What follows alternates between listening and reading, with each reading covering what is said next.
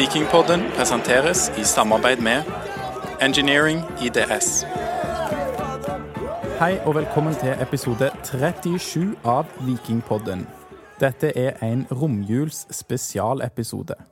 Og Den spilles inn 28.12., og det er dagen der Mjøndalen har berga plassen i Eliteserien, og nyheten om at Viking har gått med millionoverskudd i 2020 er sluppet. I denne episoden skal vi evaluere året som er gått, og se framover mot 2021. 2020 det var året der vi fikk annonsert at det kommer nye hovedtrenere til Viking. Vi fikk ny daglig leder. Vi fikk en ny styreleder, som kom, og som har gått. Og ikke minst så spilte Viking hele sesongen foran 200 og senere 600 tilskuere. Så det har med andre ord vært et begivenhetsrikt år. Og for å oppsummere det hele har vi fått med oss den mannen med stemmen som du hører på SR Bank Arena når Viking spiller hjemmekamper. Velkommen til deg, Øyvind Jacobsen. Tusen takk for at jeg fikk komme. Nå følte jeg at jeg var på stadion igjen. Du, du var der med en gang, Torjar. Det er bra. For jeg har òg med meg deg, Torjar. Eh, evig student fra Eiganes. Velkommen til deg òg. Ja, takk for fin beskrivelse. Og siste medlem av Vikingpodden, Lars Læreren fra Madla. Velkommen. Takk for det. Vi skal gjøre mange ting i denne episoden. Vi har seks poster på programmet. Vi skal begynne med litt om Øyvind. Eh, bli litt kjent med han, for jeg tror mange som er glad i Viking, de kjenner jo deg, Øyvind. Mm, ja. Håper Vi det. vil bli bedre kjent med han, for vi Kjenner i hvert fall stemmen, ja. Så nå vil vi ha mannen bak stemmen, da. Det er riktig. Så det er post én på programmet. Så skal vi kåre årets mål, øyeblikk, gjennombrudd og andre ting. Post to. Så skal vi snakke litt om tabelltipsene som vi ga før eh, sesongen, og se hvem av oss som har truffet på tabelltips. Så er det punkt fire. Det har kommet inn noen spørsmål til Øyvind på Twitter og Instagram. Så Øyvind, skal du få presentere din drømmeelver som femte post på programmet. Og til slutt så skal vi snakke litt om hva som skjer med Viking i 2021. Huh, OK, da er kjører vi på. Da kjører vi på. Eh, først litt kjapt om deg, Øyvind. For eh, som jeg sa, mange som er glad i Viking, de kjenner jo deg. Hvordan ble du bitt av vikingbasillen? Jeg har ble vokst, vokst opp i Stavanger, så jeg har sånn vagt minne om at jeg sprang bak noen jublende vikingspillere på næresrunde på Stavanger stadion. Eh, Jeg er født i 75, så det betyr Jeg tror at det var i 82. eh, Når de vant seriegull, men det kan ha vært i 84, selv om de tok sølv da. Jeg vet ikke om Viking sprang rundt eh, rundt stadion når de tok sølv, men eh, de tok vel sølv både i cup og serie det året. Et år som de for øvrig, nå skal jeg bare lære dere noe hvis dere ikke visste det, Viking slo Rosenborg 8-1 Er på, på stadion. Var det 82 eller 84 de vant? Da- 84. 84, 84, 84. Ja. Ja. Oh, Du er jo født ti år for sent, da. Eh, I forhold til hva? I forhold til glansdagene.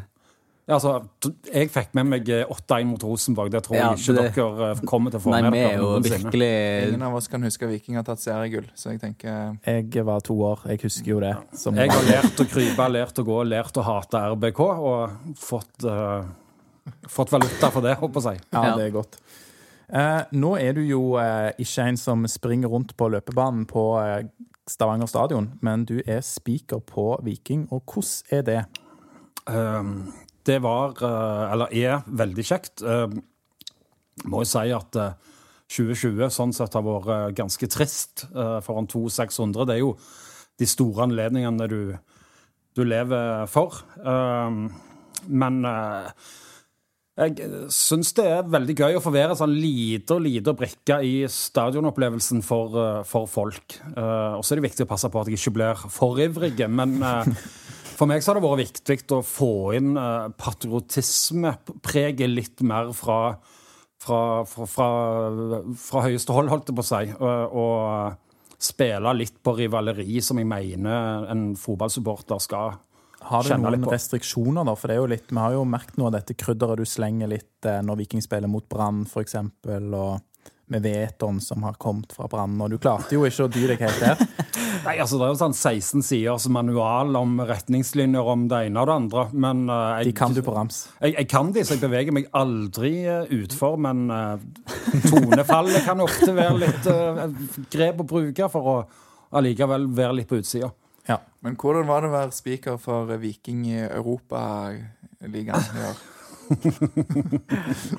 Nei, det var, eh, det var ikke spesielt eh, stas i både med at det var tomt, og at jeg fikk ei lagoppstilling eh, slengt til meg som jeg da uh, ikke hadde lest igjennom, og så mista jeg den, så jeg måtte nærmest ta det fra en liten PC. Så det ble en del uttale der som uh, var litt ymse. Så det kan være utfordrende. Men er det andre ting som er utfordrende som speaker?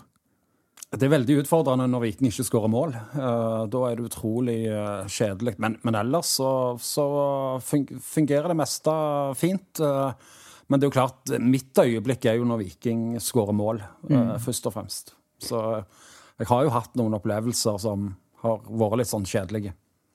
Er det du som velger musikken som spilles? Ja og nei. Eh, mye av det er meg, eh, og noe er, det andre. Det er jo et team som er der oppe, som eh, styrer skjermen, som styrer video og litt andre ting. Ja, riktig. Er det, er det vanskelig å stoppe Kjartan for å spille Kjartan? Uh, nei. nei. Uh, det vil si, han, han kommer alltid opp og kikker og spør eh, hvilken versjon skal du spille av en blå i dag i dag. Han lurer på det, ja. Han Ja. vil helst ha den riktige, den nye, for han, da. Eh, ja, så jeg gjorde vel et slags kompromiss der at vi tok det annenhver gang, men eh, det går vel ikke én kamp uten at jeg spil, når jeg spiller Kjartan, uten at det kommer en del meldinger om 'få på den forriktige sangen'. Det gjør det, ja. ja. ja. Det tror jeg på. Men det som jeg har lagt merke til, det er at før kampene, når vi spiller hymnen en blå dag, så varer jo den av og til litt ut i det første spilleminuttet. Er det lovlig? Står det i den 16 siders lange manualen at det er greit? Nei, det er ikke greit, men ofte skal dere vite så er det dommeren sin feil, fordi at dommeren starter kampen før 18.00. Vi har tima tilrettelagt. Ja. Men eh, så har Eurosport gjerne lite reklame og har gitt go, og så setter de bare i gang kampen. Og da blir det en sånn liten fight om, mellom meg og dommer om hvorvidt den sangen skal gå helt ut eller ikke. Ja, Vi har vært med på sånn eh, fading opp og ned av den sangen, ja, der det er litt usikkert om sangen fortsatt går. Så det er gøy. Eh, en ting som òg er nevnt her med musikk som spilles da, dette 'Jeg kan telle til fem'. Husker du hvem som eh, kom det Er det din idé? det? Nei, eh, det er ikke min idé. Eh, Den ideen var det Frp-politiker, tidligere Frp-politiker Atle Simonsen som eh, sendte på melding til meg i det Viking Det var vel mot Sandnes Ulf første gang, tror jeg. Eh, som, som sa at den bør jeg spille. Så da heiv vi oss rundt i all hu og hast og fikk det til. og Det funka jo fint. Så gøy, da. Her eh, slenger du ut litt eh, komplimenter til høyresiden òg, i politikken. Det var hyggelig fra Ap-mannen Øyvind Jacobsen. Musikk kan de. eh, Politikk, derimot. ja. Det er dårlige greier. Men det er altså Mods de spiller der med Hva sang er det? Du er mislykka, du? Du er mislykka, du, tror jeg det? Ja. Nei, jeg vet vel ikke det heller. Jo, er det ikke det? nei. Ja, men det, okay, det er Noe mods, i hvert fall. Det Ja, det er den sangen, men Ja. uh, husker ikke hva den heter, faktisk. Nei. Bli med meg hjem? Nei, et eller annet sånt. Ja, den er veldig kul, i hvert fall. Uh, du har kanskje allerede nevnt et av dine beste minner som vikingsupporter, men uh, har du noen ja, andre gode minner, eller verste minner som vikingsupporter? Som supporter. Eller spiker, det er neste altså, det beste minnet som spiker, det var semien mot Ranheim. Uh, litt sånn faggreier, fordi at da hadde vi fått en sånn utrolig kjedelig jingle som skulle spilles på introen fra NRK, for det er jo de som har rettighetene der. Mens dette var kveldskamp, det var full, fullsatt. Og da tenkte vi at vi skulle prøve Guns N' Roses og Welcome to the Jungle. Og det syns jeg fungerte helt utmerka. Det ble en sånn et, et, et ekstremt trøkk eh, før eh, kampen. Og så var det jo uh, Ullkisa-kampen uh, i opprykkssesongen med, med målet til Høyland der i, i, i minutt 116. Uh, og ja, Sandnes Ulf-kampene med fullt av leserinnlegg etterpå var veldig gode opplevelser. Negative opplevelser det er jo 2020, og ikke minst Tromsdalen-kampen hjemme. Eh, 2-4 der før de fire siste serierundene. Den var, den var veldig tung. Det tror jeg på. Da kunne ikke du vite at det skulle snu, så Men den aller verste opplevelsen jeg har hatt på stadion, og som kanskje gjorde at jeg ymta frampå at jeg hadde lyst til å bli speaker, det var øh, øh, Viking Arsenal. Uh, der var det jo fullt av Arsenal-supportere. Eh, knapt nok noen Viking-supportere, og det var gjerne noen gode Viking-spillere på banen eh, lite grann.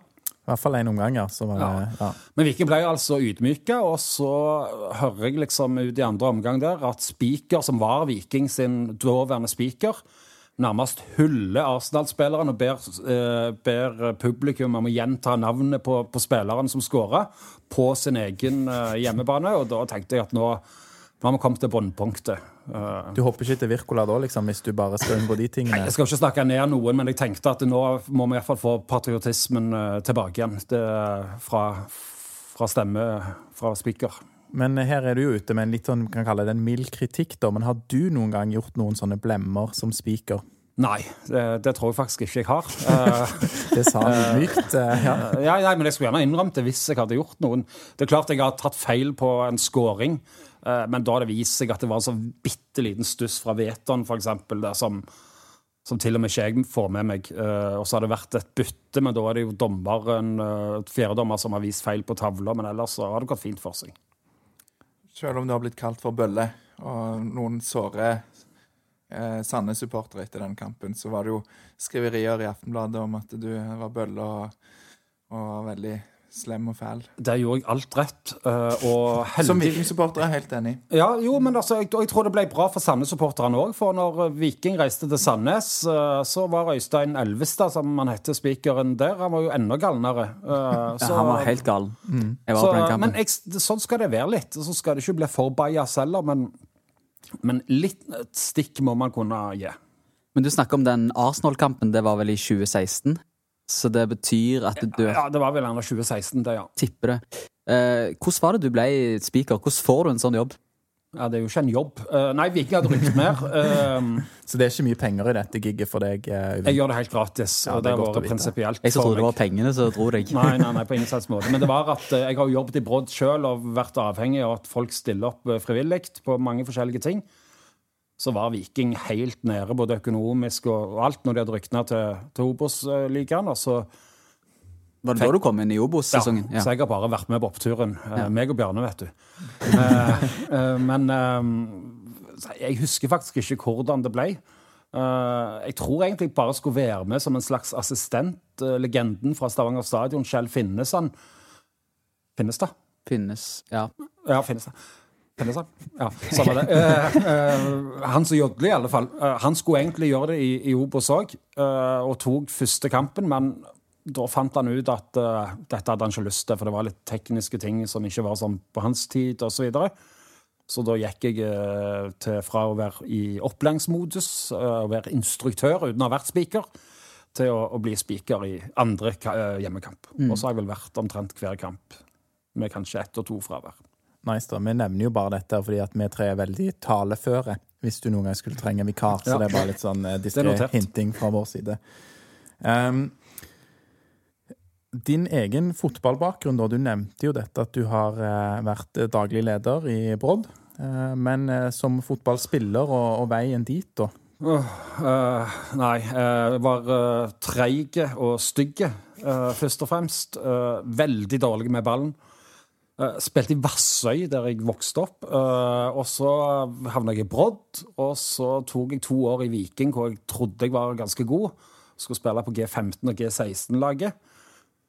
Fikk være med på Bråten Safe-turnering, og en slags forløper til Jet-turneringen for 16-årslag, eller guttelag som det het på den tida. Da må du ha vært litt god hvis du var på G16. Nei, nei, nei, jeg var ikke det. For det første så hadde Viking et ganske dårlig kull. Og for det andre så var jeg egentlig, jeg, jeg var egentlig en toerlagsspiller. Men i, i den turneringen så fikk jeg spille mot Hai Nok Tran. Det er han som har mest U-landskamper for, uh, for Norge. Husker han fra Kongsvinger? Ja, Kongsvinger, ja, Han driver vel eh, Jeg tror han driver kafé på, på stasjon, togstasjonen der nå. Ja, Men han spilte der og i Vålerenga var helt svingod på den tida. Der. Altså, han var fem ganger bedre enn Vegard Heggem, Ja. som kanskje var den nest beste i Norge på, på den tida. Eh, og jeg var jo dårlig med ballen, og sånn, men jeg eh, kunne springe og slåss og fighte litt. Så treneren sa at eh, nå er du med i denne kampen, Øyvind, og du skal passe på Hainok Tran. Bare vær frimerke på han. Og så, som sagt så gjort, eh, kampen endte 5-1 til Kongsvinger. Hainok Tran skåret fire, og jeg hadde et selvmål.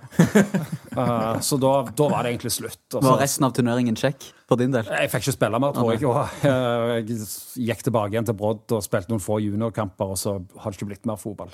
Så Heinok Tran ødela din fotballkarriere, med andre ord? Nei, den, det bidro til Han, han, eh, hva skal jeg si, han tydeliggjorde at jeg aldri hadde noen karriere. Men du har, har du vært på kafeen hans og spist og hilsa på han? og sånn? Nei, jeg har altså ikke det. Det har jeg ikke, men det det var artig. Ja. Hvis, det, hvis Kongsvinger rykker opp og du reiser på en bortekamp, så kan du jo gjøre det. Um, nå, Jeg tror vi tar det spørsmålet her. eh, Vi nevnte jo det, litt dette med brodd. Altså, Er hjertet ditt er det mest grønt eller blått? Ja, det, er, altså, det er så grønt altså, Brodd har møtt Viking to ganger i første runde i NM, og jeg har håpet begge gangene at eh, Brodd slår ut Viking og sender de ut av cupen. Altså, det er ikke engang tvil. Altså, det er lokale laget først, og så er det Byen sitt lag etterpå. så byen sitt lag etterpå, og så landslag og engelsk og ja. Ja, Da er det en eh, sånn prioriteringsliste som du har der, i hvert fall. Det, ja. ja altså, den er jo åpenbar. Sånn bør det jo i hvert fall. Men dere er vel omtrent fra Vikingland, dere? Ja, det er bare en som er Du har jo spilt i SIF. Jeg har spilt i SIF. Jeg har spilt Jeg begynte min fotballkarriere i Brodd. Ja, bra, Lars. Bra, Lars. Mm, så det, det var faktisk tror jeg, høydepunktet i min karriere. Da, da var jeg en målsnik. Mm. Men så gikk jeg til Kjensvoll og ble forsvarsspiller der, så Du er en Jeg er vikinggutt, så jeg heier på Viking. Ja, Lars er den største fotballnomaden her eh, blant oss. Nei, Siste spørsmål før vi går litt på kåringer fra året 2020. Eh, hva syns du, Øyvind, om tidligere vikingtrener? Altså, hvem har eh, fått til noe bra, er jo kanskje litt opplagt, men hvem har fått til gode ting ut fra forutsetningene? Og hvem, hvem leverer best i media? Jeg husker jo, jeg har jo vært eh, fotballjournalist i mange år. Jeg husker at Roy Hodgson sa at eh, den femteplassen han fikk med Viking, var den beste trenerbragden han hadde gjort. Er det sant? uh, ja, han sa nå i alle fall det. Uh, og jeg skrev det, og når det kom på trykk, så var verken Viking eller Roy Hodgson veldig fornøyde med, med det. uh, men jeg hadde veldig sansen for Pål Erik Andreassen på, på 90-tallet. Han, eh, Viking spilte da en fotball som ligner litt på den fotballen som spilles mange plasser i dag. Var mye mer ballbesittende, men det var nok en 15 år forut for sin tid. tid. Iallfall. Uh, jeg husker publikum peip på, på stadion når de leda 2-0 mot Brann, fordi Viking holdt ballen i laget. Eh, det ble jo ikke de store resultatene, men ikke heilgale heller. Var dette sånn 92 til 94? Nei, nei, det 97 skal vel i Magnus. Svensson-tida. Ja, okay, Det var ja. ja. Pål Erik Andreassen, så Jeg bare spør dumme Ja. spørsmål Ja, ja, ja, på vegne av lytterne. Dere er unge. Dere er unge, dere er unge. Så jeg, jeg, jeg hadde veldig sans for fotballen hans. Eh, ellers så har de jo levert dårlig, uh, nesten alle. Altså, Åge Hareide står for meg som den som har levert dårligst, ut fra forutsetninger, penger og Foran Tom Prahl, til og med. Han òg har vært trener i Viking, ja. ja. Det var vel heller ikke all verdens uh, Nei, men jeg setter allikevel Åge Hareide med, med det navnet han hadde, selv om òg Tom Prahl kom fra suksess i Sverige. Du har jo for vane å holde deg godt inne med disse trenerne, har jeg forstått. Ja, når jeg var journalist, så tror jeg jeg har blitt boikotta i eh, lengre og mindre perioder av samtlige. Kanskje utenom Kjelling Olsen. Men han var bare et år, da. Og så, Du rakk det ikke. nei, jeg rakk det ikke. Hadde nok fiksa det òg etter hvert. Benny var jo på eh, cupfinaleseminaret i fjor, som var i Oslo. Hvordan var det å møte han igjen? Ja, nå er vi litt personlige her, for uh, meg og han hadde en ganske stor feide her på slutten av hans karriere, så jeg tørde ikke å hilse på han, faktisk, eh, fordi at jeg visste at han er ganske sint på meg. Og det er litt tungt, da, fordi at han er jo en ekstrem legende i Vikings historie. Han har gjort mer for Viking enn veldig, veldig mange, iallfall. Uh, og og Benny hadde blitt gammel i tillegg, så jeg ville jo ikke hisse han opp heller med å vise mitt åsyn.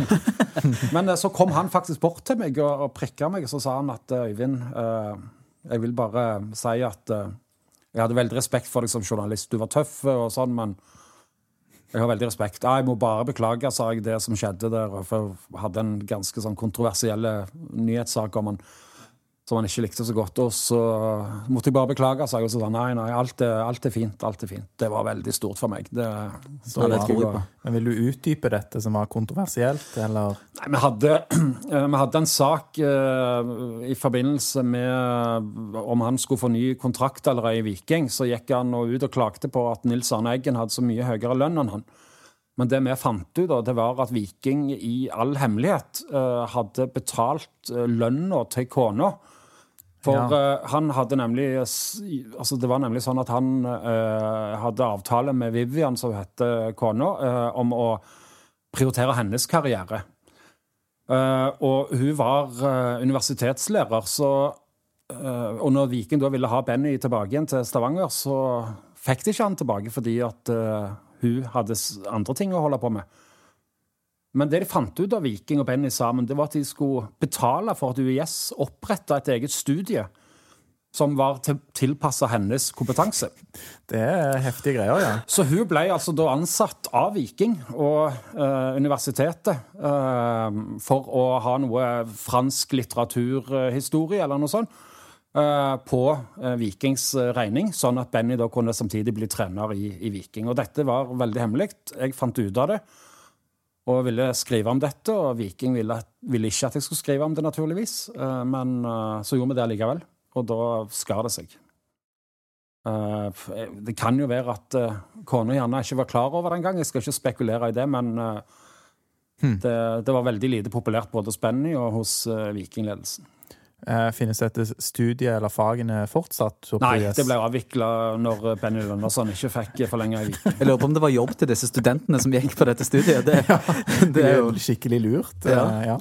Ja, jeg, det, dette er jo ikke hemmelig, for det har stått i avisene. Ja, ja, ja. Men, Men, uh, det er jo sånne situasjoner eller sånne ting som du som journalist må skrive om. Mm. Eh, selv om du vet at det vil gi dårlig stemning, da. Skal vi gå over på kåringer? Er det noe mer vi skal ta her eh, i segmentet? Nei, kan vi ikke ta årets uh, spillere? Årets ditt og datt? Det høres uh, bra ut. Uh, og vi kan jo begynne med den du foreslår, Torjer. Årets spiller. Årets vikingspiller. Du kan få begynne sjøl. Hvem er årets vikingspiller for deg? For meg så er det altså Henrik Eggheim. Det var ikke mange som hadde hørt om han før året starta.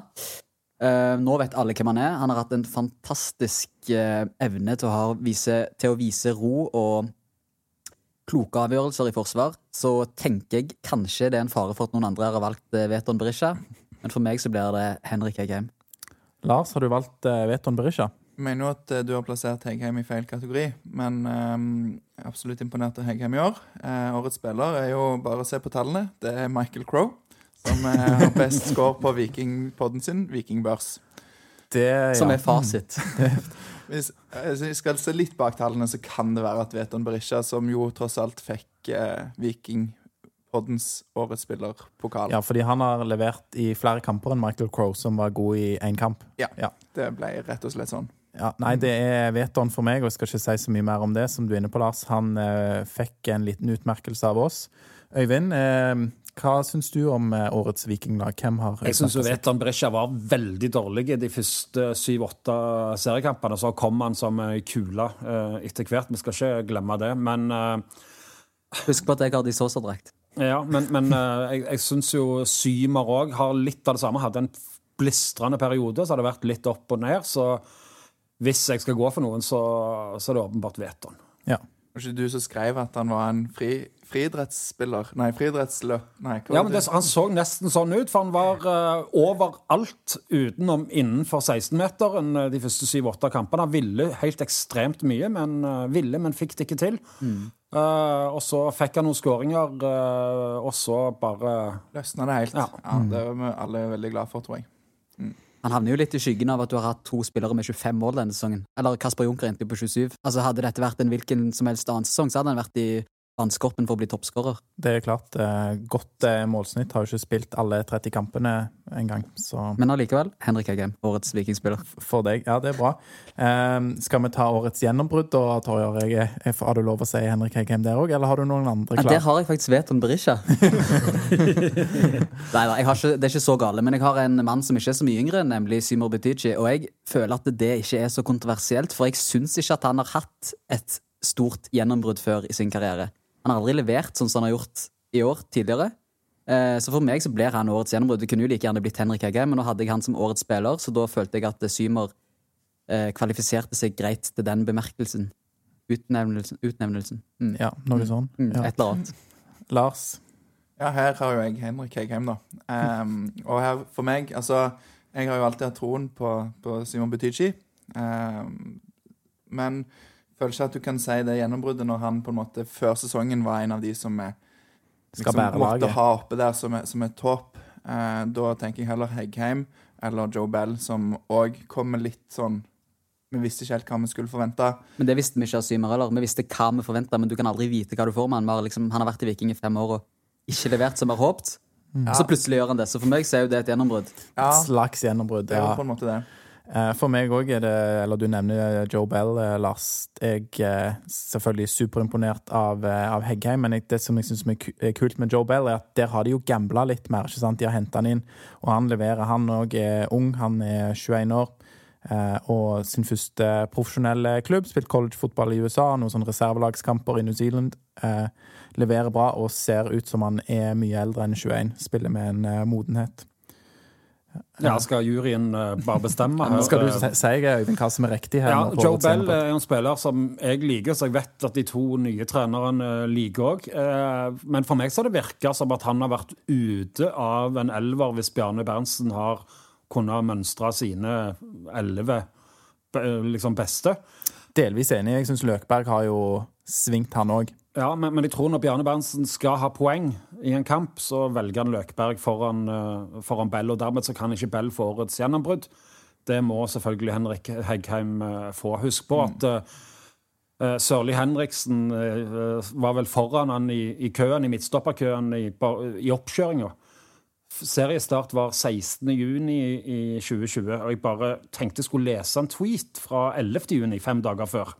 Hvem som har skrevet denne tweeten? Det kommer jeg tilbake til. Eh, La oss først høre innholdet. Blir Henrik Heggheim Vikings neste landslagsspiller? Potensialet er skyhøyt. Briljant med ball, tar for seg i dueller, leser spillet glitrende. Jeg er fotballmessig forelska. Fotballmessig forelska. Den er fin, det.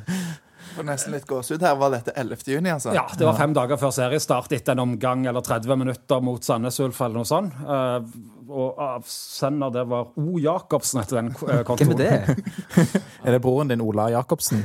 Nei. Det er, det er undertegnet, ja. Ja, det er det. Nei, altså han, han så man på eh, bare på få sekunder at dette er, her er det potensial. Det klyver hans i, i tillegg, eh, kunne jeg òg nevnt. eh, Det, ja.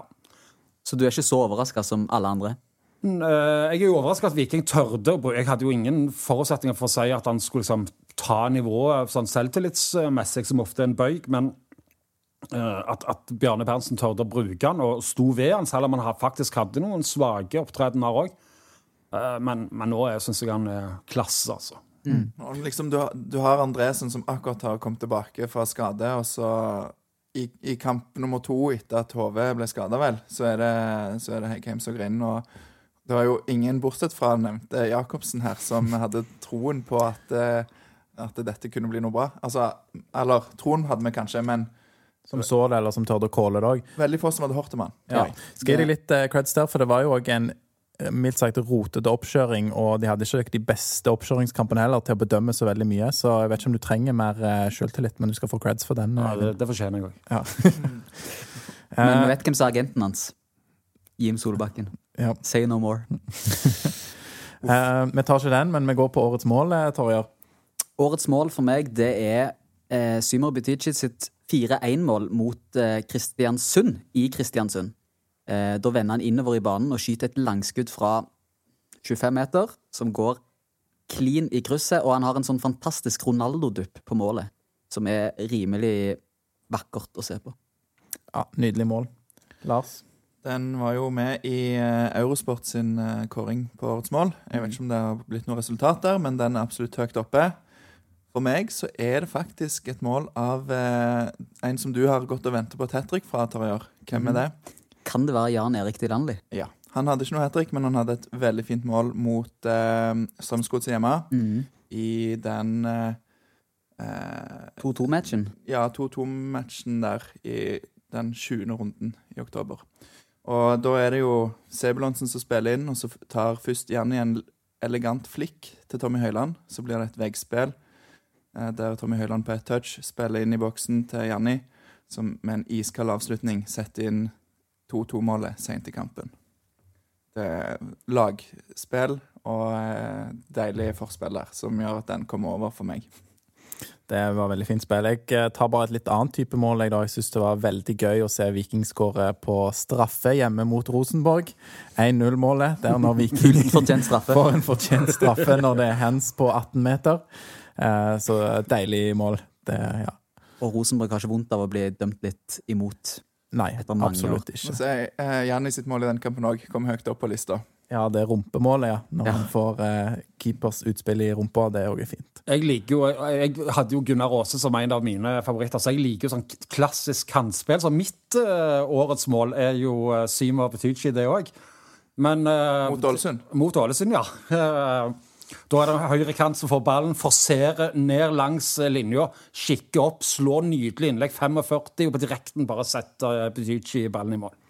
Hvem hadde assist her, eh, Øyvind? Åh, da spør du vanskelig. Eh, Til Sosa. Ja, det, ja. Det er det han heter, ja. Stemmer det. Veldig fint mål. Um, Klassisk vikingmål.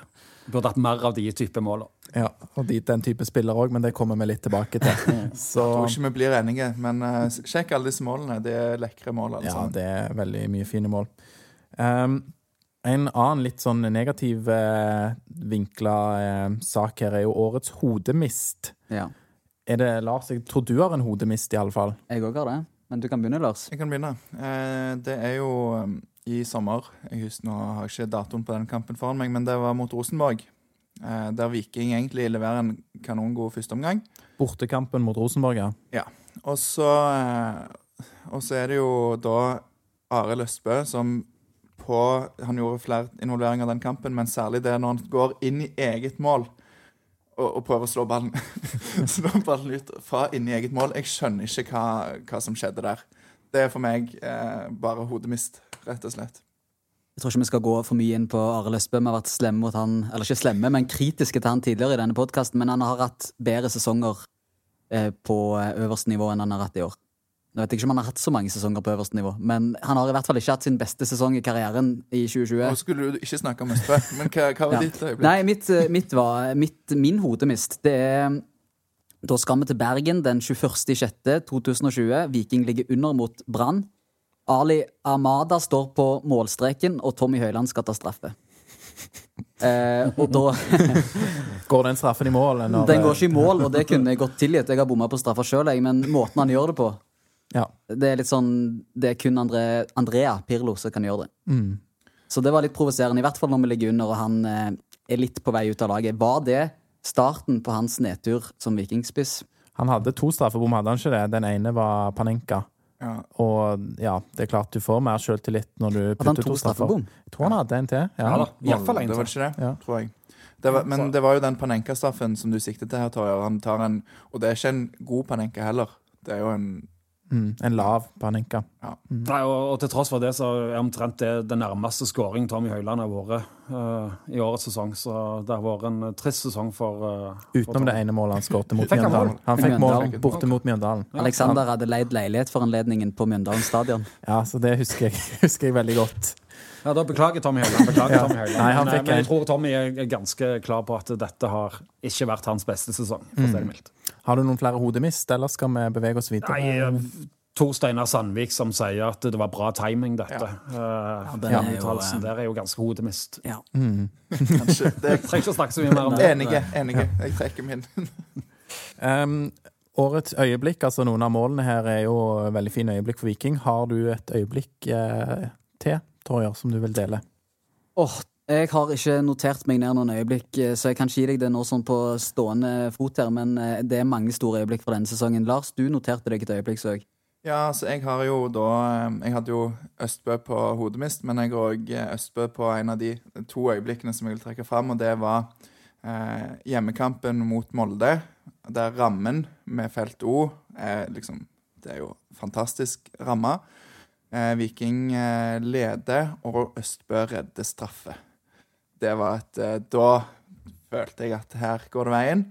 Eh, men òg May sin umulige skåring der mot Molde, der han eh, etter at, Jeg vet ikke om det var etter at vi hadde vært kritiske med han, men han har vært litt sånn som vi har gått igjen i podkasten her. Vi har ikke vært helt fornøyde med han hele veien. Og så går han og gjør det, og setter inn 2-1-målet, og er òg involvert i 3-1. Så det øyeblikket blir på en måte sekvensen der fra May skårer 2-1-målet, til Østborg redder straffen. Nydelig mål der av Ibrahim når han bryster ballen med seg vel, og så limer han den opp i nærmeste hjørne. Foran felt O. Spissvinkel. Mm. Spissvinkel foran eh, Felto. Absolutt eh, et veldig bra øyeblikk. Eh, jeg har, vil trekke fram en hel kamp raskt, så hvis man skal se en vikingkamp i reprise denne sesongen, så er det, det er flere kandidater. Men eh, 3-0 hjemme mot eh, Sarpsborg 26.07.2020. Eh, Viking med full kontroll, vinner sjansestatistikken 9-1. Eh, Pereira litt overhypa på børsen, så det er ikke det som gjør at de trekker fram den kampen. Eh, men han hadde en veldig god kamp eh, og skåret to mål. Men eh, en veldig god og bare en sånn kamp der du ikke er nervøs, for Viking har kontroll. Og kanskje med på å trekke den der, eh, den der prisen opp, sånn at Viking endte opp med et millionoverskudd i år. Ikke sant? Pereira Så veldig kjekt for Pereira, eh, og kjekt for Viking. Mitt øyeblikk er nok eh, siste kampen til Bjarne Berntsen hjemme på, på stadion. Siste bytte han gjør, er altså å sette innpå Forgård Paulsen, 16 år. Mm. bare liksom for å demonstrere hva han har holdt på med i Viking de siste tre åra, Bjarne. Sønnen til styreleder i FK for øvrig, denne spilleren. eh, som bare liksom noen dager før hadde sparka han. Eh, selv om han ikke ble sparka, da. Eh, men, men det syns jeg var et, sånn et eh, følelsesmessig og sånn Hva skal jeg si Et slags visjonært øyeblikk i, i sesongen som markerte et, et farvel med, med Bjarne Berntsen på en, en beskrivende måte. Det jeg òg syns var fint, å bare få slenge meg på med et øyeblikk her en gang, da. Det var når Bjarne Berntsen tok med seg Bjarte Lund Årsheim og Morten Jensen foran Felt når de sto og sang navnet hans, og pekte på de at nå er det de som gjelder, nå er det de som har overtatt, de styrer skuten, nå er det de vi skal hylle. Det syns jeg var et fint eh, symbolsk eh, Raust av eh, Bjarne. Mm. Absolutt. Ja. Vi har eh, noen til her. Vi får prøve å komme oss gjennom disse årets eh, øyeblikk og osv. litt eh, raskt her nå, men eh, Det er jo gøy, Alex. det, ja, det er jo gøy. Jeg bare jeg tenker vi skal prøve å lage en episode som ikke blir eh, tre timer. Tre timer. Ja. Um, eh, dette med årets eh, uttalelse, årets Twitter-melding. Lars? Ja, twitt, altså Nå kommer det jo en kandidat inn fra sida her med, med Den var veldig god. Ja, den var veldig god. Eh, men jeg syns jo at eh, hvis du skal ha noe som må kanskje varer litt lenger, så vil jeg trekke fram to, faktisk, eh, hvis det er greit. Det får være greit. Ja, nemlig Knut Husdal og Bjarte Østebø. Ja. Eh, på Twitter. De har nemlig sesongoppsummeringer, de òg. Eh, Husdal har en fra A til Å, og Østebø har vel årets diverse. Så, eh, så de vil jeg trekke fram som, eh, som gode Twitter. Så det bør folk gå inn og lese. Mm, det syns jeg. Yes. Eh, jeg vil jo trekke fram en Twitter-melding som Vikingpodden kom med, Ja. for jeg syns det er så veldig bra podkast. Ja, enig. takk, Øyvind. Takk, Øyvind. Spesielt denne episoden. Denne episoden blir nok toppen. Vi tvitra jo 8. november når Viking leder 3-0 mot Rosenborg. Så tvitrer det Lars ved, tastaturet, da, læreren vår, som sier på engelsk, da, for å nå ut til et bredere publikum Stop the count. As far as we're concerned, we already won this match by a lot. Så han er veldig cocky og fornøyd der, Lars, og har vunnet mot, eh, mot Rosenborg. Det var på et tidspunkt vi leda vel 2-0. Så OK, 2-0 òg, ja. fikk litt sånn eh, Hvis vi taper denne her, så vet vi hvem som har uh, jinxa det. Men Ja. heldigvis. Det holdt inn, og jeg er glad vi ikke stoppa tellingen på 2-0. Ikke sant? Og dette var vel en liten eh, referering til det amerikanske presidentvalget. Ja, helt Mm. sant å gjøre. Bare for de som Ja. Det, men det er bra å få en liten sånn presisering for de som er, er mest opptatt av norsk politikk, f.eks. Um, det var ikke noe slag mot, det var ikke noe slag mot Øyvind. um, yes. Eh, Er det ellers noe, noe spesielt andre prestasjoner dere vil trekke fram, eh, gutta, før vi går videre? Jeg har jo et punkt som heter mest spesielle. Ja. Eh, og det jeg syns var veldig spesielt, det var at ingen tok affære og fikk Iven Iv, Iven, Iven Austbø av banen i Kristiansand i sommer. Når han skada seg og tråkka over. Og vi slapp inn mål på det òg rett etterpå. Og så ble han skada i syv-åtte uker. Jeg vet ikke, Mulig jeg overdriver, men det var mange kamper han gikk glipp av. Og da fikk vi inn Arild Østbø, som vi snakket om i sted, som ikke har hatt sin beste sesong. Så det syns jeg var rart at ingen tok affære der. Da sto jo Trym Ur klar til å få sin debut, mm. så blir han ikke bytta inn. Og vi vet jo ikke hvordan det ville gått i den kampen eh, med Urin, men Det vi vet, er at han ikke hadde sluppet inn det målet som kom. det, vet- det vet vi ikke heller. Men, men konsekvensene av det, det som skjer der, er jo, eh, er jo gjerne det at Austbø istedenfor å være ute i to uker, er ute i syv-åtte uker. ja, Han tok vel sjølkritikk på det òg sjøl. det er bra. Og Midtbygden hadde fortjent uh, Trym Ur eh, inn altså, som første spiller derfra siden Martin Knutsen. Ja. Ja. Ja. Og mange som var på meldinger der om at eh, nå, nå må han inn. Nå må han inn. Strandalandets store sønn. Men han blir jo etter alt å dømme tredjekeeper neste sesong. Ja. Så eh, da kan han plutselig dukke opp og bli beste spiller på Viking. børsen neste sesong. Ja. Eh, men eh, ja, jeg òg har en ting som Jeg vet ikke om det vil gå på uttalelse, eller sånn, men, men det var jo noe av det som jeg stussa veldig over i, i begynnelsen av sesongen. Det er egentlig ikke noe positivt, da, for det er jo en liten disputt mellom eh, Løkberg og Berntsen. Der Berntsen etter første kamp går rett ut og sier at Løkberg var dårlig. Eh, og Løkberg svarer at dette syns jeg var litt spesielt. Jeg har aldri opplevd at en trener peker på en spiller på denne måten. Heldigvis så gjorde de en oppvask, eh, men jeg syns det å peke på enkeltspillere på den måten eh, For det gjorde Berntsen, gjorde han ikke det noen ganger? Han gjorde det. Ja, så føler jeg av og til at han, eh, han klarer å balansere det riktig, og han klarer å, å treffe planken. Og så er det Han er ærlig, men det er ikke for mye. Men det eh, Jeg syns bikker det er gikk der. han over en. Ja, men så, så er spørsmålet hvem du retter kritikken mot òg. Dette skal være den mest rutinerte, kanskje, lederskikkelsen i laget. Eh, Så kanskje var det kritikk mot eh, Løkberg, men eh, det var vel gjerne kritikk mot, mot hele laget. Egentlig sånn som jeg så det, at Løkberg, du må løfte deg, sånn at resten av laget løfter seg òg. Og så har det gått helt utfor alt som finnes av radar. Et intervju Løkberg da gjorde for bare noen kamper siden. hvor Viking hadde slitt på hjemmebane. Jeg husker ikke mot hvem. hvem. Men eh, hvor, han, hvor han i sine uttalelser sa at vi, han sa basically at vi, vi kan ikke spille på noen annen måte enn en plan A. Det vet alle klubbene. Vi har ikke noen alternativer. Uh, og så videre, som jeg følte igjen da var et spark mot, uh, mot Bjarne Berntsen tilbake. Det var vel et pauseintervju der i Eurosport, var det ikke det? Ja, det kan godt være. Ja. Eh, Det hadde ikke jeg heller fått med meg. Men jeg husker han sparket jo ganske tilbake etter noen runder der, når Viking hadde prøvd med den der med de spissene og sånn. Han var ganske krass i kritikken mot det valget trenerteamet eller Bjørn Berntsen Du tenker på å prøve 4-4-2 med to spisser, Lars? Er det Ja. det du sikter til? Ja. Altså den for, for, eh, famlingen med formasjonen og prøvingen der.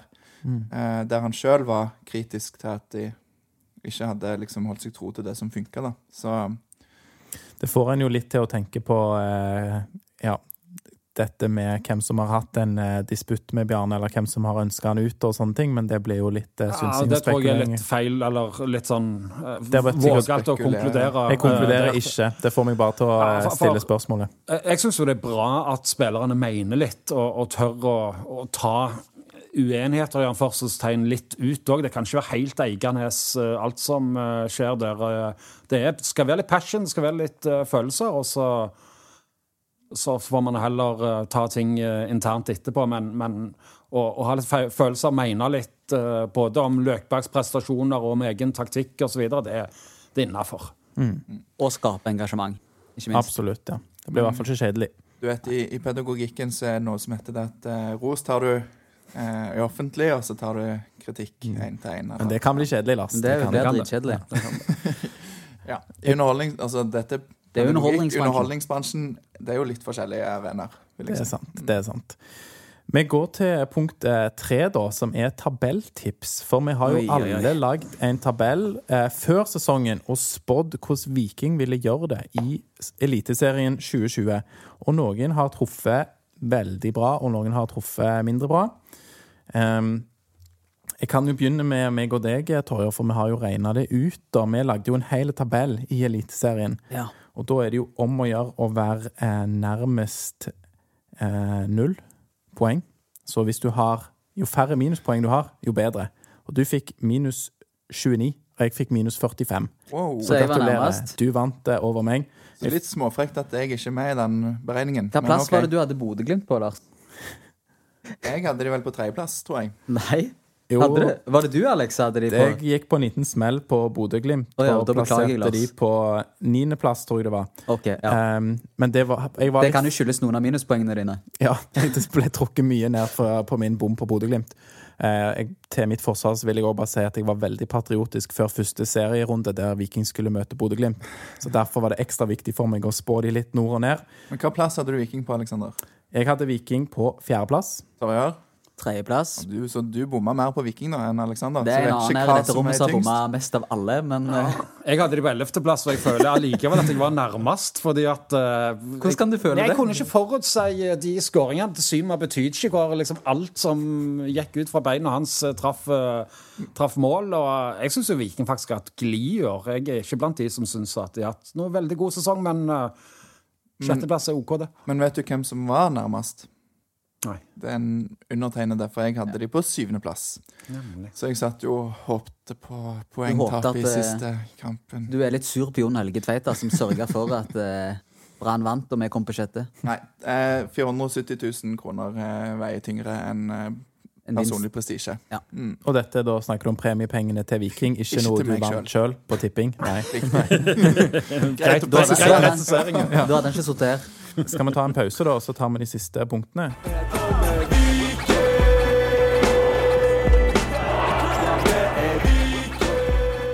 Eh, når vi annonserte at vi skulle få Øyvind Jacobsen her som gjest, så dukka det opp noen spørsmål på Twitter og Instagram, og jeg tenkte jeg skulle stille, til, stille de til deg, Øyvind. Eh, det første er fra Kristoffer Johannessen, eh, og det er hvor reelle muligheter har Viking til å klatre på tabellen med dagens forutsetninger? ekstremt eh, små, eh, mener jeg. Jeg syns de har maksa ut det de kan få ut av laget, og hvis Symer og kanskje òg Uldren forsvinner, så, så må de hente inn gode erstattere. Det tror jeg blir vanskelig. Så jeg tror ikke vi skal ha de store forventningene. Det virker ikke som om det er mye penger å bruke, selv om det kom 400 000 ekstra her på, på tampen. Neste spørsmål det er um, Dersom for, dersom det behøves forsterkninger, i hvilke posisjoner er det det er størst behov for det? Nei, Det har vel Viking mer peiling på enn meg, men de har vel sagt at de trenger en venstreback, og jeg syns jo han var veldig synd at Mjøndalen eh, klarte å fikse det opp og holde plassen, altså, for jeg liker veldig godt han der Vetle Dragsnes eh, på, på venstrebekken. Nydelige fot. Sendte en melding til en av trenerne i Viking og spurte hei, hei, hei, han er bossmann, har dere vurdert han? Og fikk jo fikk ikke svar, da, men eh, han hadde vært en veldig bra spiller, en litt voksen spiller, 27 år. Uh, Ja, som- er som er vant med den Mjøndalen-kulturen. Så jeg håper de prøver seg allikevel Ja, uh, på han. Så må de ha kanter. De må ha en som utfordrer Veton på, på topp. Og Det holder ikke med Høyland som alternativ.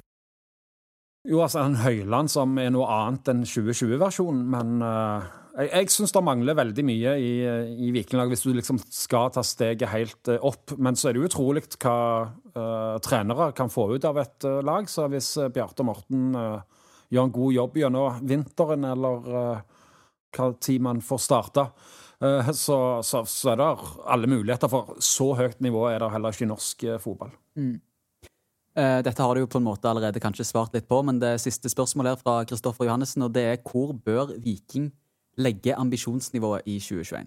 Jeg mener at de bør legge ambisjonsnivået til å ta medalje hvert eneste år. Uh, så, men jeg er redd for at det betyr mer penger enn Viking har. Men eh, eh, altså eh, og, og at vi nå sitter og er veldig fornøyde, for det virker nesten sånn at vi er veldig fornøyde med en sjetteplass året etter vi ble nummer fem. Eh, det, det hører ikke hjemme i en fotballby som Stavanger. Stavanger. Viking skal alltid jage medaljer, og det bør være ambisjonsnivået. og så er det en helt ærlig sak at eh, ambisjonsnivået gjerne ikke står i stil til det hva man har til rådighet, men eh, eh, ja. Det, det, er uhørt av uh, Viking å si at de skal gå for noe annet enn Europa. Mm. Er dere ikke enige? Jo, jo, jeg er helt enig. Og jeg så s- det var, de var jo Altså, de snubla jo når de hadde sjansen i år til å k- komme opp i denne medaljestriden når de var mot slutten av sesongen. Så Mot Sandefjord, tenker du? Når de stilte BB-lag? det, det var vel litt før det at eh, Altså, de hadde jo en den korona dårlig start og dårlig koronapause etter det, så Skal vi være helt ærlig, så har Viking aldri vært i nærheten av noen medaljeplass i år. De hadde gjerne et lite vindu hvor det kunne bli teoretisk mulig, men uh, Viking har vært på, på midten og nedre del av midten gjennom hele året. De har sin høyeste tabellplassering av, på sjetteplass i siste serierunde. Stemmer det. Vil du si at Viking kanskje trenger en eh, SGD for å fikse dette her. Ja, men de må nok ha en sportsgeneraldirektør. Eh, eh, om, om de gjerne ikke bruker samme tittelen, så, så, så, bør det være, nok være noen som har de trådene der. For Bjarte Morten har eh, god oversikt over fotballbildet. Ole Askeland har eh, kartlagt som, som speider i halv stilling. men men ellers er det ganske sånn ferskt. De har den yngste økonomisjefen i Eliteserien. Eh, Eirik Bjørne er fantastiske fyr, men han òg er ny. Så, så, det mangler gjerne litt tyngde der på å, å hale inn de gode, gode signeringene. Det, det jeg syns er litt skummelt òg, med altså Vi snakker om hvor ambisjonsnivået bør ligge. Så ser man på en måte noe av den vinglingen som var kanskje på det sportslige, med en sånn koronainngang til årets sesong òg. Og så er det nå, da, går vi inn i 2021 med den manglende kontinuiteten da, som du beskriver her, Øyvind. og jeg, ja, Mm. Ja, da, men, men allikevel ikke glem at Morten og, og, og Bjarte har hatt uh, stor del av æren for uh, den framgang som har vært. Det er de som stort sett har ledet treningene osv. Og, og de har sine ideer og kan skru på sine knapper, så plutselig så kan det være at de, de får mye mer ut av, av, det som ikke er et, en veldig imponerende tropp. Mm, håper jo det, men for mange utskiftninger på for kort tid for min del. Men hvor eh, jeg, Før sesongen var det ganske mye snakk om Harald Nilsen Tangen, som er en av de mest spennende Nå er vi jo litt inne i 2021 eh, allerede, men altså snakke her i podkasten, altså. Men hva tror vi om Harald Nilsen Tangen eh, etter hvert et ganske suksessfullt opphold i Åsane? Nja um, jeg, har sett veldig, jeg, har sett veldig mye i Åsane. Ja, det, jeg ikke. Ja, uh, det, og det anbefaler jeg alle som er glad i fotball, for det er fantastiske fotball å, å se på. Uh, men han har gjort det OK, vil jeg si. Han har uh, vært starta kamper, han har skåret noen uh, mål. Men når det drog seg til, så var han innbytter og fikk innhopp på slutten i kvalik, uh, f.eks. Så jeg tror ikke vi skal forvente at han skal bære Vikings medaljejakt på sine skuldre. Men han har jo blitt bedre fysisk og selvfølgelig utvikla seg som spiller med den flotte fotballen Åsane spiller. Jeg husker jo innledningsvis når vi starta denne poden at vi annonserte at eh, Herman Haugen kunne være et alternativ på høyrebekken. Eh, det var vel jeg som nevnte det, og da arresterte du meg litt og sa at eh, han er langt under det. Hva tenker du i forhold til 2021? Kjekt at du refererer innboksmeldinger i offentligheten. Men nei, altså, han òg har vel hatt en litt sånn tilsvarende greie. Han begynte jo, spilte jo fast. Den vante høyrebekken var skada. Så havna han litt ut av laget, så han har vært litt inn og ut. Eh, jeg tror Ullkisa hadde lyst å beholde han, men jeg tror de har fått et, eh, en foreløpig beskjed fra Viking at de, Viking ønsker han tilbake igjen. Så for all del, det kan jo skje at han uh, tar steget. Det er jo veldig mye spennende sånn fysisk og sånn. Og, kanskje har han fått litt mer spilleforståelse og litt mer rutine dette året. Jeg får jo håpe at det blir litt mer normalt neste sesong med eh, Viking 2, som kan være en kamparena for disse som ligger i vannskorpa. Jeg tror kanskje sånn som Sebulonsen og disse som, som lå i vannskorpa der i år, eh, leid litt under det, at de ikke fikk, eh, fikk en ordentlig kamperenn å prøve seg på. Absolutt. Men eh, nå gutter, vi tjuvstarta litt på dette med 2021. Skal du eh, dra gjennom et par Twitter-spørsmål? Siste spørsmål fra Twitter. Mm. Eh, Øyvind Fuglestein skriver eh, Føler Jacobsen at hans framheving slash forkjærlighet for enkelte har fått en slags kiss of death-status og derfor bør snurpe igjen smelle hva angår Auklend. Altså, Hvis han har vært med i programmet, hele programmet her nå, så Kiss of Death uh, Henrik Heggheim uh, altså, Jeg vet ikke hva han tenker på engang. Uh, det er ingenting som er så deilig som å kunne slå ned en påstand med fakta. Ja, ja, men altså, Jeg er veldig faktabasert, og jeg klarer ikke helt å se Tenker, du, tenker han gjerne på De Sosa?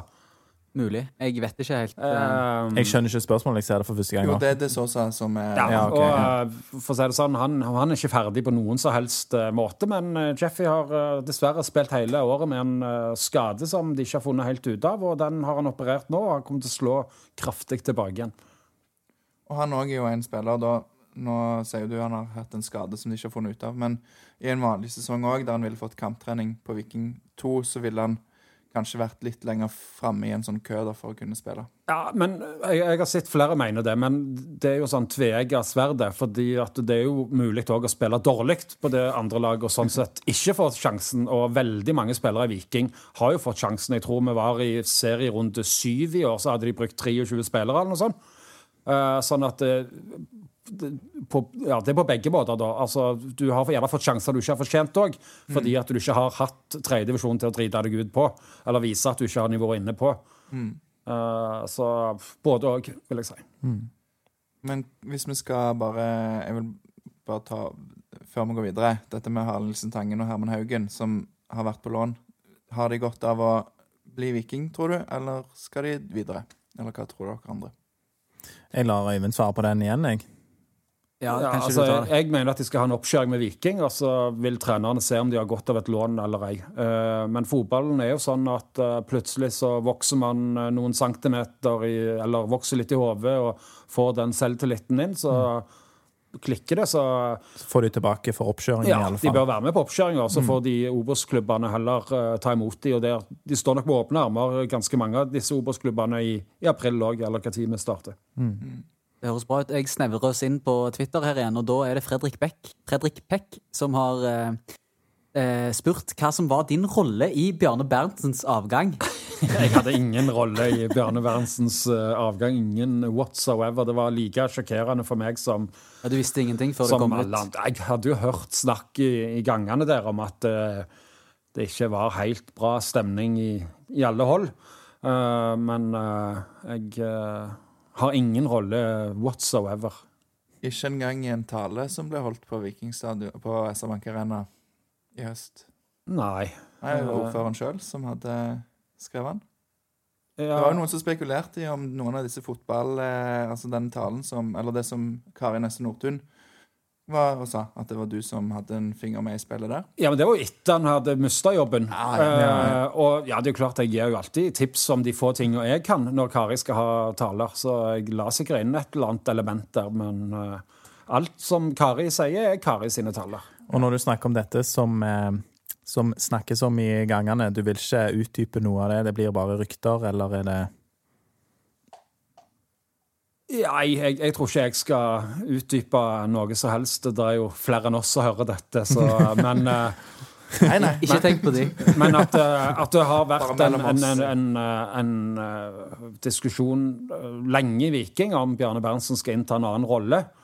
Eh, og det trengte ikke nødvendigvis å være sportsdirektør, det kunne vært en, en rådgiver uh, osv.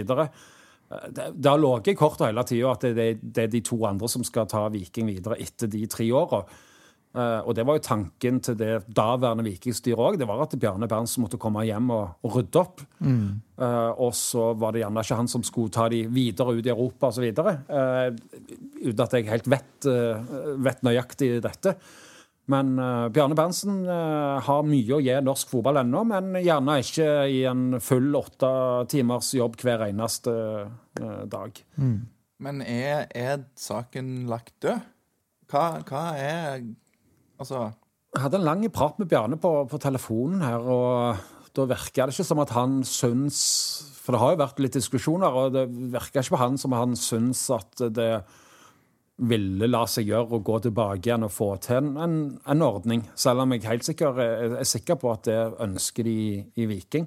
Men i fotball, fotball er ferskvare osv., så, videre, så den sier han svensken? Eh, Så eh, du vet jo aldri. Plutselig blir han trener altså, eh, i Viking. Nei, jeg, jeg, jeg vet ikke, men jeg, jeg tror ikke jeg, jeg tror at Bjarne har en slags drøm om å få gjøre noe i Sandnes. Uh, han har sagt det i flere sammenhenger, at han har bodd på Sandnes hele livet.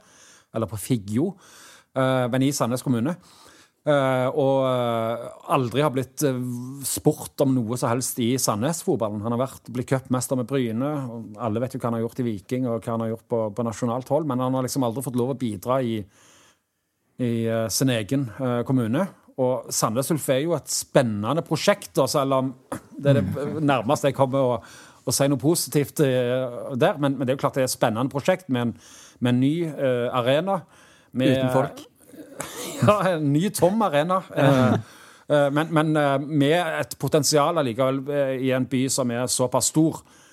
Eh, Ligger det noe latent der? Jeg føler ikke det. Nei, det ligger ingenting latent. Den, men den nevnte svensken som du refererte til tidligere, har jo tippa Sandnes Ulf på førsteplass i Obos-ligaen neste sesong. Ja, Ja. kanskje han eh, tenker at Bjarne kom inn og spiller en rolle. Jeg vil jo bare si at jeg trodde Sandnes kommune hadde neglisjert Figgjo-fotballen eh, veldig lenge. Sånn at eh, det overrasker meg at, eh, at Bjarne har lyst til det. Men det får være greit. Ja, men Bjarne liker utfordringer, og jeg kan ikke tenke meg andre utfordringer i norsk fotball, kanskje med unntak av å løfte Start opp igjen som, som trigger når du bor i den kommunen. Så, så Gjerne ikke som trener, men som en sportsdirektør. Tom Rune Espedal, som nå har alle roller. Han er jo både sportsdirektør og daglig leder og stadionansvarlig og det ene og det andre.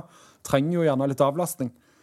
Så, så er det spørsmålet om, om Sandnes har plass til Bjarne, for han tar jo ganske mye plass. Men de ville jo vært ganske tåpelige hvis de ikke tok kontakt med han. Ja. Vil det gjøre vondt? Bare hvis han lykkes. Han får gå til Hane eller noe. Ja, løfta bredde breddefotballen. Skal vi da ta og gå videre til post fem på eh, programmet vårt, som er at du har satt sammen en drømmeelver, Øyvind. Ja, eh, og den eh, ble jeg ikke helt klar over før, helt, før det ble presisert rett før avreise omtrent. Så jeg tenkte at jeg Nå har vi snakket om Sandnes kommune. Eh, Jeg har det jo litt sånn at jeg ønsker at eh, Viking er Stavangers lag, og så er det hele regionens og hele, hele Norges Viking eh, i tillegg. Men det er liksom en Stavanger-klubb. Så jeg bare tenkte for meg sjøl liksom, Hvis du setter sammen en elver med bare siddiser, altså at du er fra Stavanger, vokst opp i Stavanger, og tar, begynner sånn cirka på 85 eller noe sånt Når jeg begynte å se fotball, eh, så må vi lage en elver. Og da er de gamle kommunene Madla og Hetland Ja, det var jo på 60-tallet, så at de er inkludert her. da. Ja, det er godt. Ja, det er godt. Han er ikke så gammel, Lars.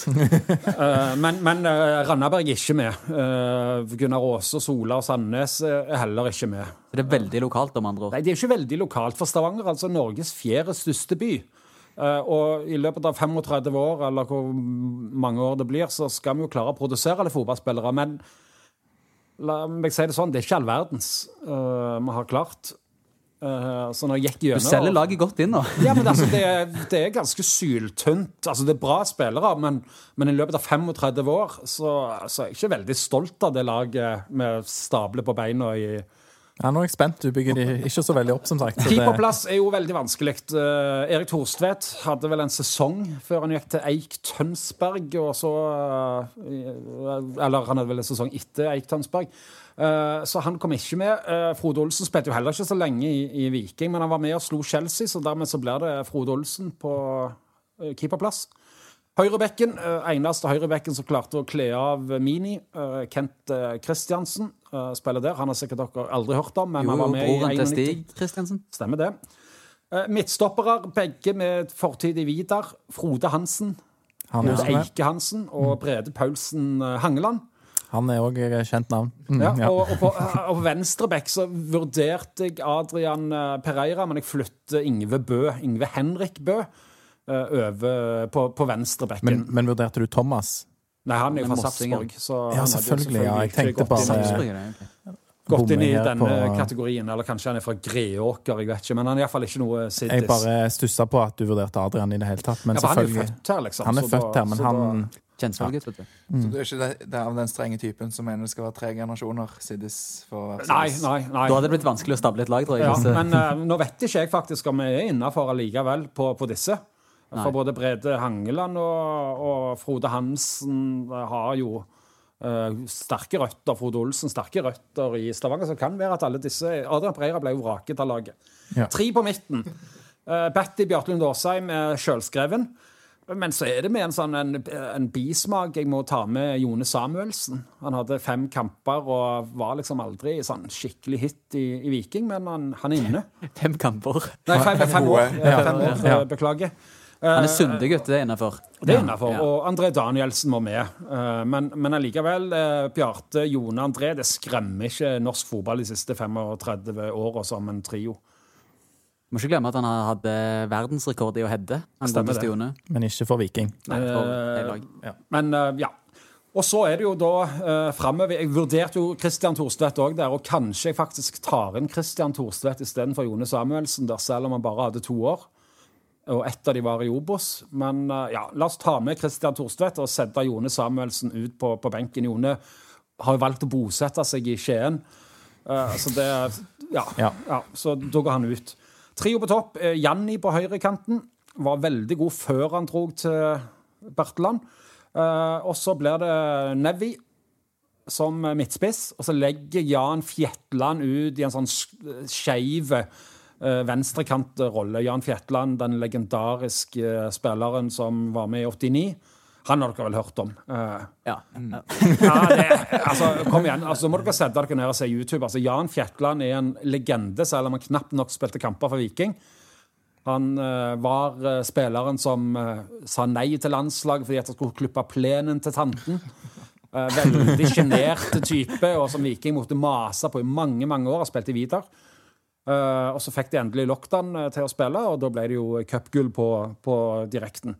Så det er laget. Ingen Heggheim, ingen uh, Torstein Bø, ingen uh, Trygve Åse Lunde, Landu Landu. Det er liksom, det er liksom der vi er. Det er de som var På 35 år. Ja.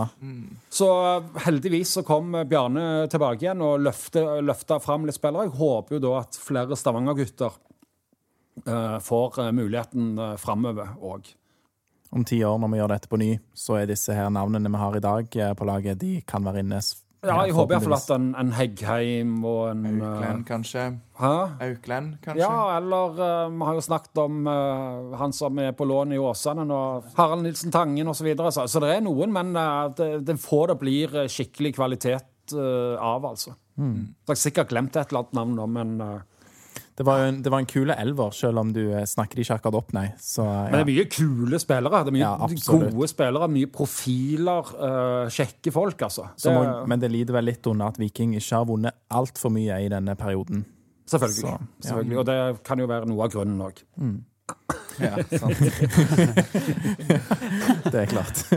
Trener må bli Kjell Inge Olsen, går jeg ut fra. Som eneste Stavanger-mann. Eh, Ja, eh, i denne perioden så er han jo eneste Stavanger-mann som har trent, så Kjell Inge Olsen er trener.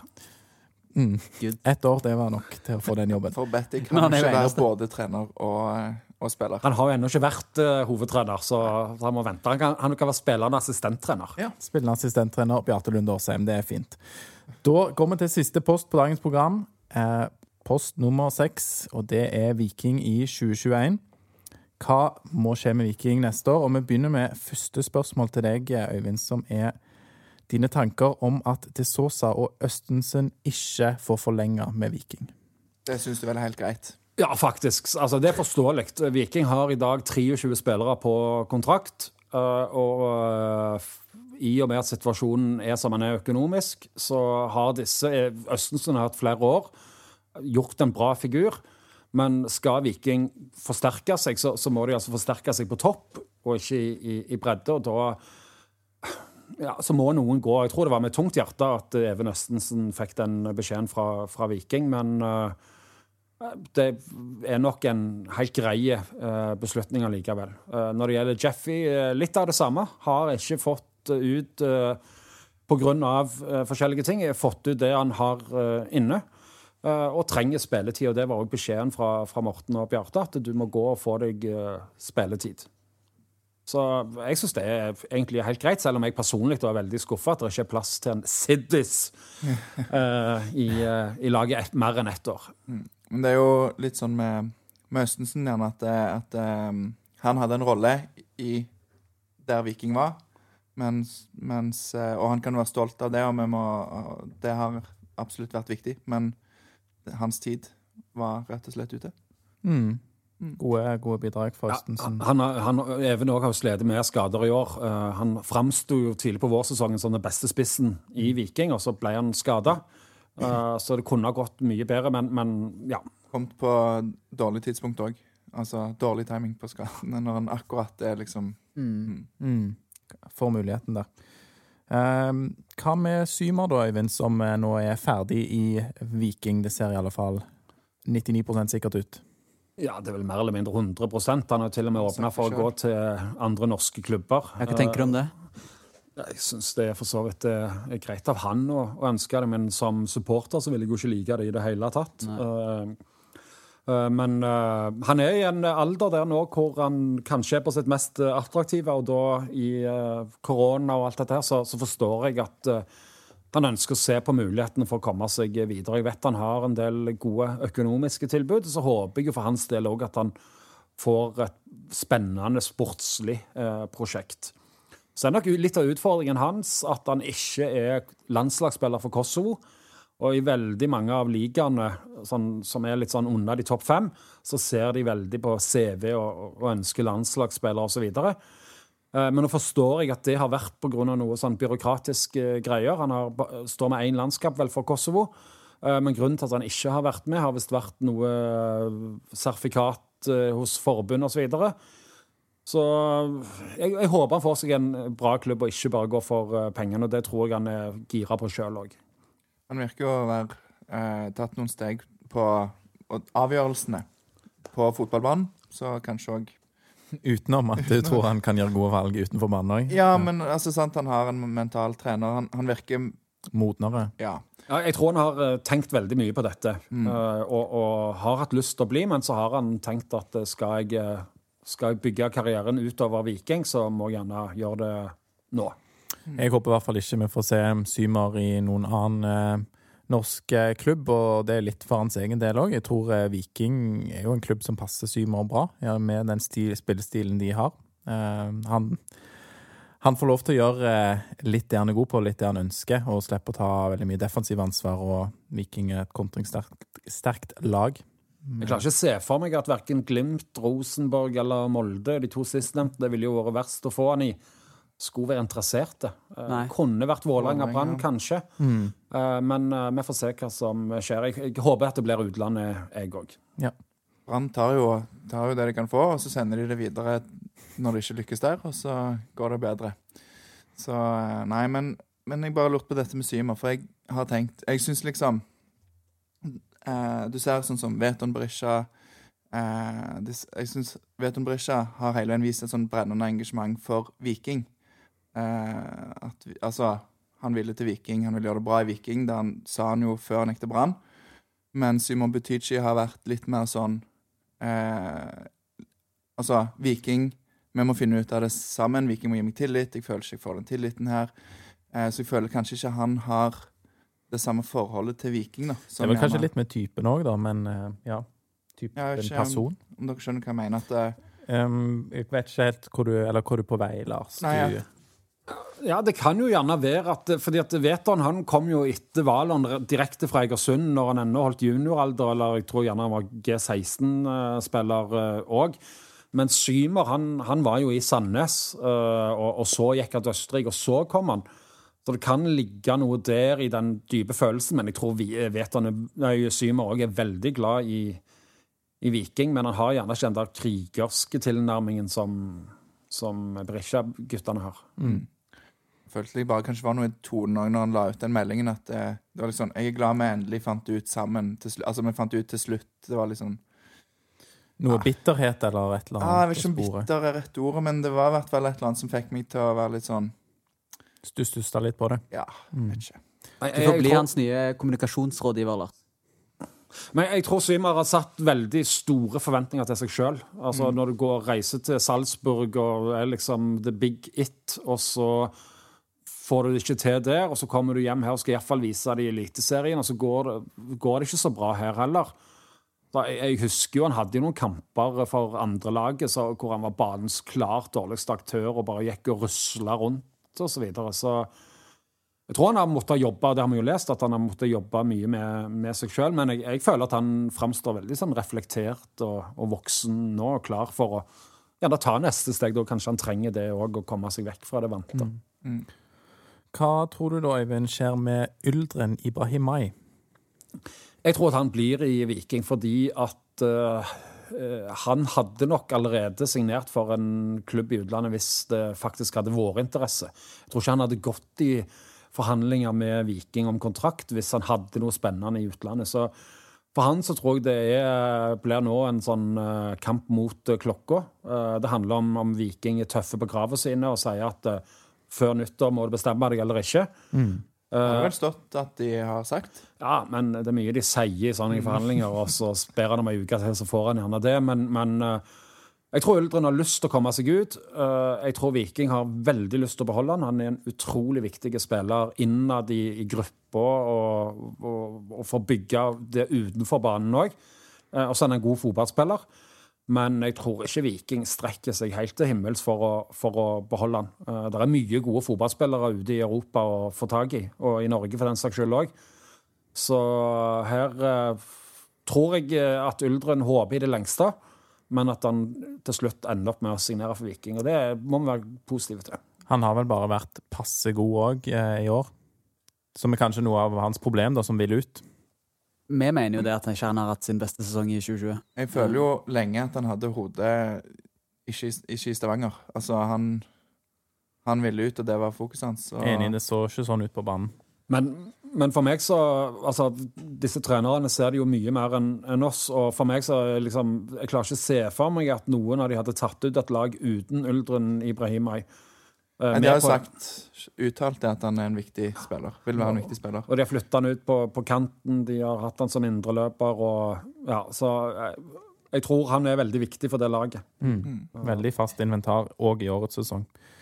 Da er vi på det siste spørsmålet her, og det Øyvind, kan du ta og svare veldig vidt og bredt på hvis du ønsker det. For det er jo det er mye som har skjedd, eh, selvfølgelig, i dette som vi allerede har vært inne på, med at eh, Bjarne er på vei ut, og Morten og eh, Beate Lundåsheim de får dette delte hovedtreneransvaret. Er dette problematisk, eller er det lurt? Jeg hører vel at alle eh, som har ment noe om dette, mener at de ikke er tilhengere av delt løsning. Um, og da får jeg alltid sånn lyst til å være uenig med dem og være positive. Eh, for det er jo ikke sånn at det ikke er eksempler på trenerduoer som har eh, gjort det bra. Du har Bergstrand og Lagerlöf i Djurgården i Sverige, som har vært sammen i, i alle år, og de tok Djurgården fra syvendeplass til gull i 2019, var det vel. Uh, du har hatt noe forsøk i Lyn, Stabæk, som ikke har vært, i Odd, som ikke har vært like uh, vellykka. Men uh, jeg tror Bjarte og uh, Morten er en veldig god miks. Eh, de komplementerer hverandre, og ikke minst så har de en ganske sånn felles forståelse av eh, hva de vil med Viking. Og så har de nok forskjellig tilnærming til hvordan de ideelt sett vil spille fotball, men så har de noen basispunkter som allikevel eh, de er enige om. Så jeg er veldig positiv til at de to overtar. Og så eh, det dummeste jeg hører, er at de er så ferske. Altså, De har holdt på med fotball i hele livet sitt. De er 45, Bjarte blir øyeblikk 46. Morten er 2-43. Altså, det er jo voksne menn, dette, som har drevet med fotball siden de var bitte små.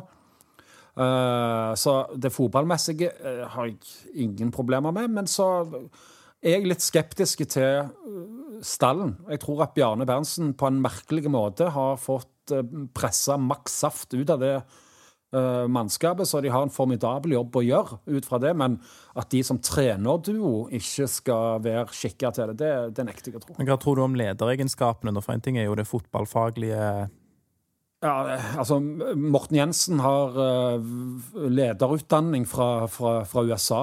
Uh, Bjarte Lunde Årsheim utstråler en enorm respekt eh, på, både på felt og ellers. Og jeg syns jo bare på det siste halve året så har han vokst enormt som eh, type. Han tar mye, mye mer plass i, i rommet når han eh, snakker. Eh, og dette vil de vokse eh, inn i begge to. Eller begge. Eh, så nei, jeg, jeg tror de vil både ha respekt hos eh, spillerne og respekt i, i omverdenen. Men til syvende og sist så er det jo resultater som vil avgjøre. Altså Vinner de de fem første kampene, så kan de leve med det. Taper de de fem første, eller sliter de fem første, så får de jo disse spørsmåla hele tida.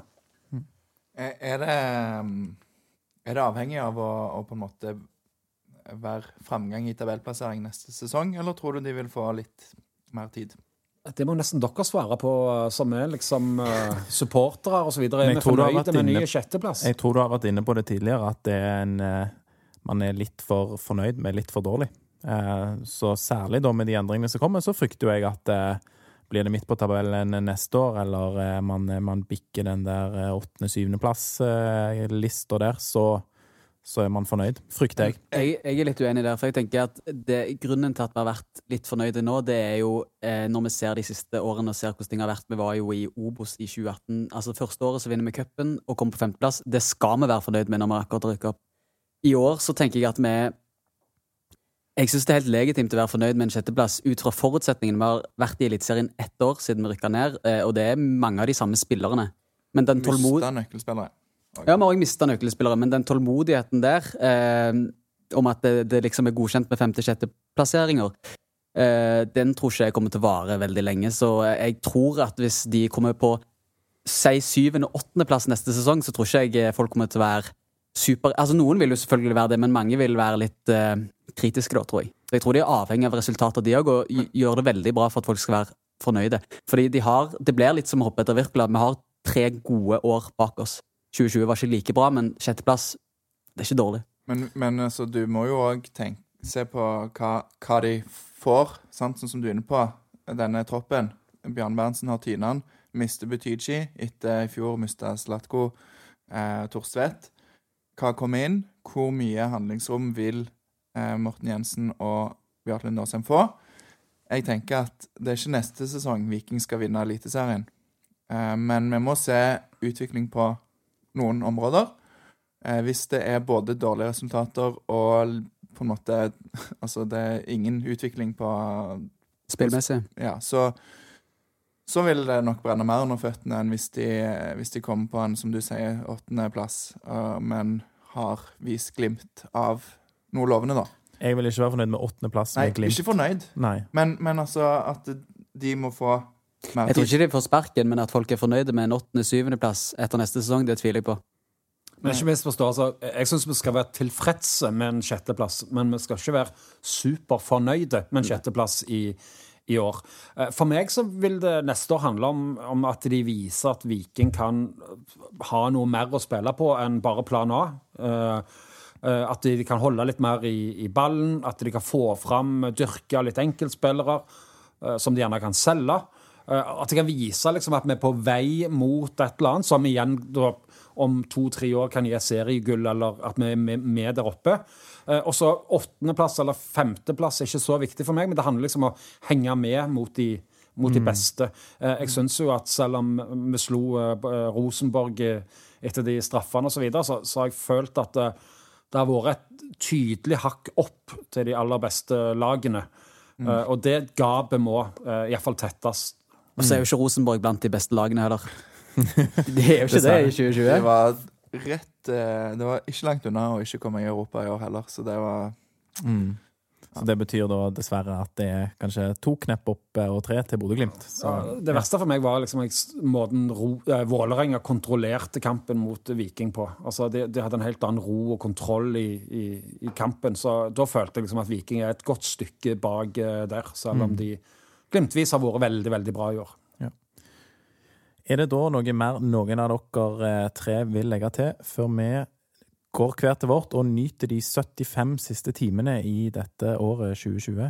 sykt at vi er der. Men eh, jeg har et spørsmål til deg, som vi har, vi har diskutert Hvem er deg, eh, Lasse? Det er Nå har jeg snakket til gjesten. Ja. gjesten Øyvind. Ja, det er bra. Eh, For vi har jo diskutert litt innad her i podkasten dette med Kristoffer Løkberg, Joe Bell. Kan de spille sammen? Hvis du måtte velge, hvem ville du valgt?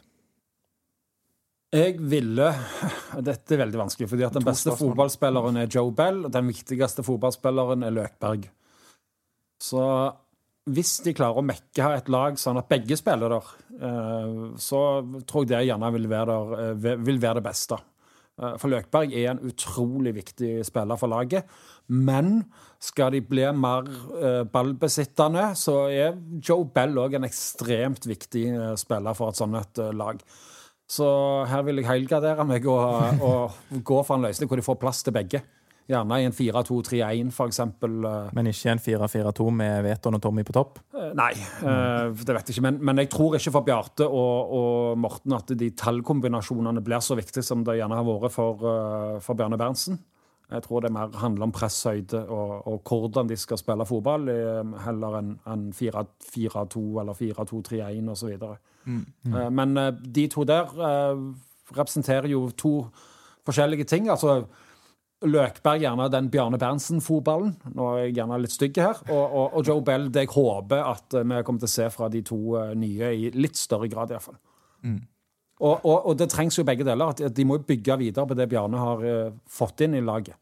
Den mentaliteten han har fått inn, og den vinnerviljen. og men det blir veldig spennende å se nå, for jeg vet at de jobber veldig godt, eller veldig intenst iallfall, med å finne og identifisere transfer targets, uh, Viking. Mm. Så er ikke sånn at de starter på bar bakke. De har uh, både ett og to skyggelag i posisjoner mm. med kandidater de uh, ønsker å, å, se nærmere på.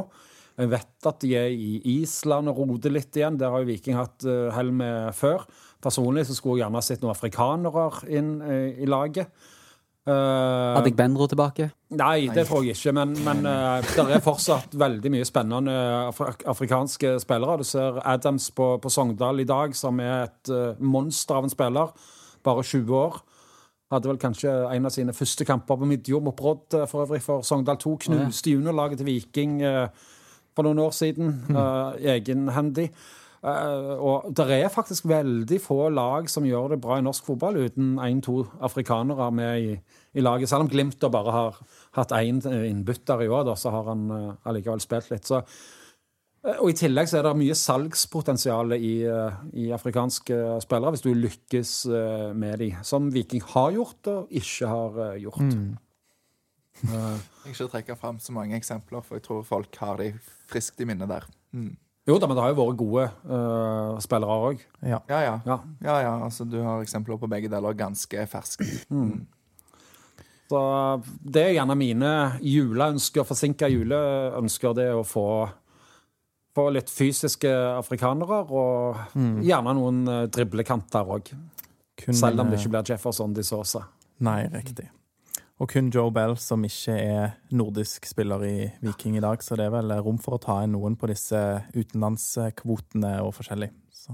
Ja, de er jo godt innafor på, på, det lokale. Uh, og så må de bygge videre på det. Altså, Viking er en uh, liten klubb i et lite land, jeg, eller store klubb i et lite land.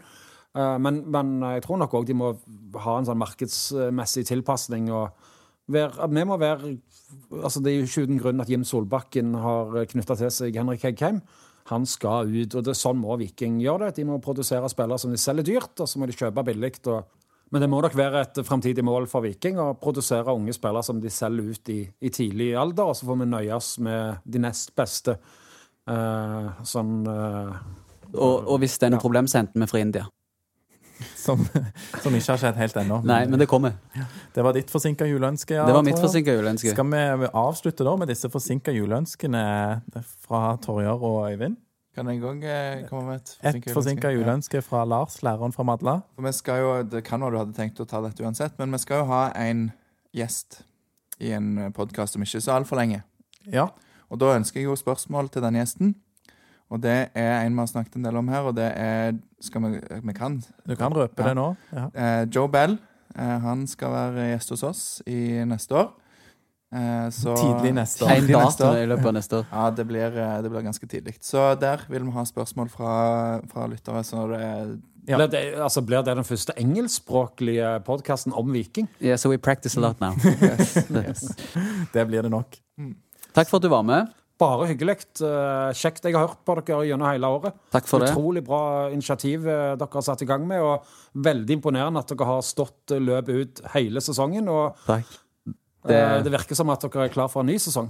Vi er ja, veldig glad. Absolutt. Alex har jo lovt 45 episoder. Hatt over ei uke ferie, så nå er vi klar. Ja, ja. Nå har vi lada batteriene. 37 episoder. Dette er den 37. og siste episoden. Takk for at du var med, Øyvind. Og så blir det 45 episoder neste år. Det blir mm. kanon. Du skal få signere en eh, vikingdrakt. Alle våre gjester signerer en vikingdrakt. Den skal vi etter hvert dele ut eller auksjonere bort for en veldig høy pris, så det får du være med på.